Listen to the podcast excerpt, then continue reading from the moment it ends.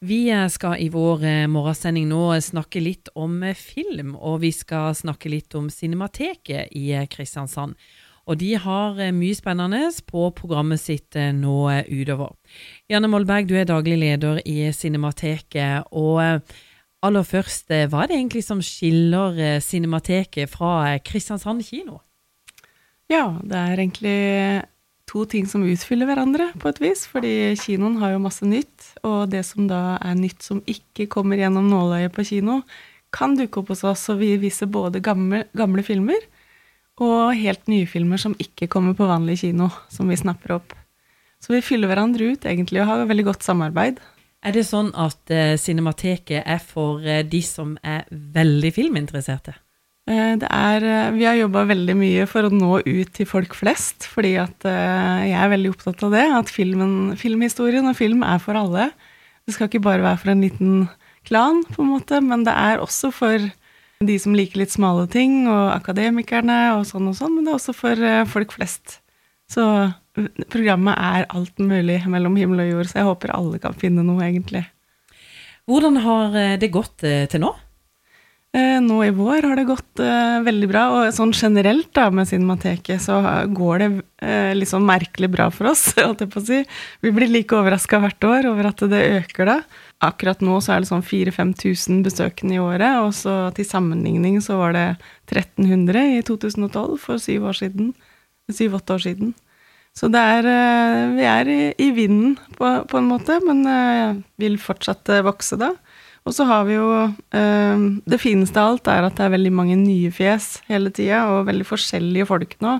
Det er ikke liksom bare én type mennesker, men det er alle slags folk, og veldig mange unge som kommer. Du, Når det gjelder eh, filmer, eh, nå er ikke jeg sånn eh, kjempestor filmentusiast som ser eh, veldig mye filmer, men jeg så gjennom programmet deres, så, så er det jo også titler der som, eh, som jeg kjenner igjen. Er det det, ja? Ja, det er bra. faktisk noen. Ja, ja. veldig bra. Mm -hmm. Er det sånn at eh, jeg håper å si, Hva er det dere tenker eh, rundt filmene som dere velger ut? Ja, det er veldig mye som er basert på ønsker fra publikum og folk flest som jeg møter rundt omkring. Alle har et forhold til film, og alle ønsker å se noe kanskje som de så på kino når de var unge, eller har minner om. Og så er det en del samarbeid med andre cinemateker. Vi får inn litt sånn dyrere filmer fra utlandet eh, noen ganger, som vi samarbeider med å spleise med de andre syv cinematekene i landet. Og så er det jo egne ting.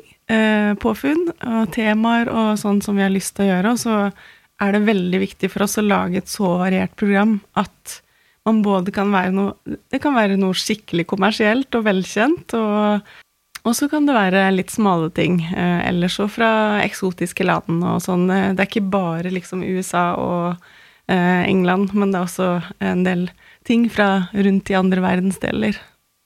Og det er mange filmer som skal vises nå eh, utover? Ja, det er 43 eh, filmer totalt da, i vårprogrammet, så det er veldig vanskelig å plukke ut noen tips, da, hvis jeg skal liksom komme med noen. Men jeg kan komme med noen. vi tar gjerne imot eh, noen godbiter. ja. 28. mars eh, har vi en Rolling Stones-filmspesial.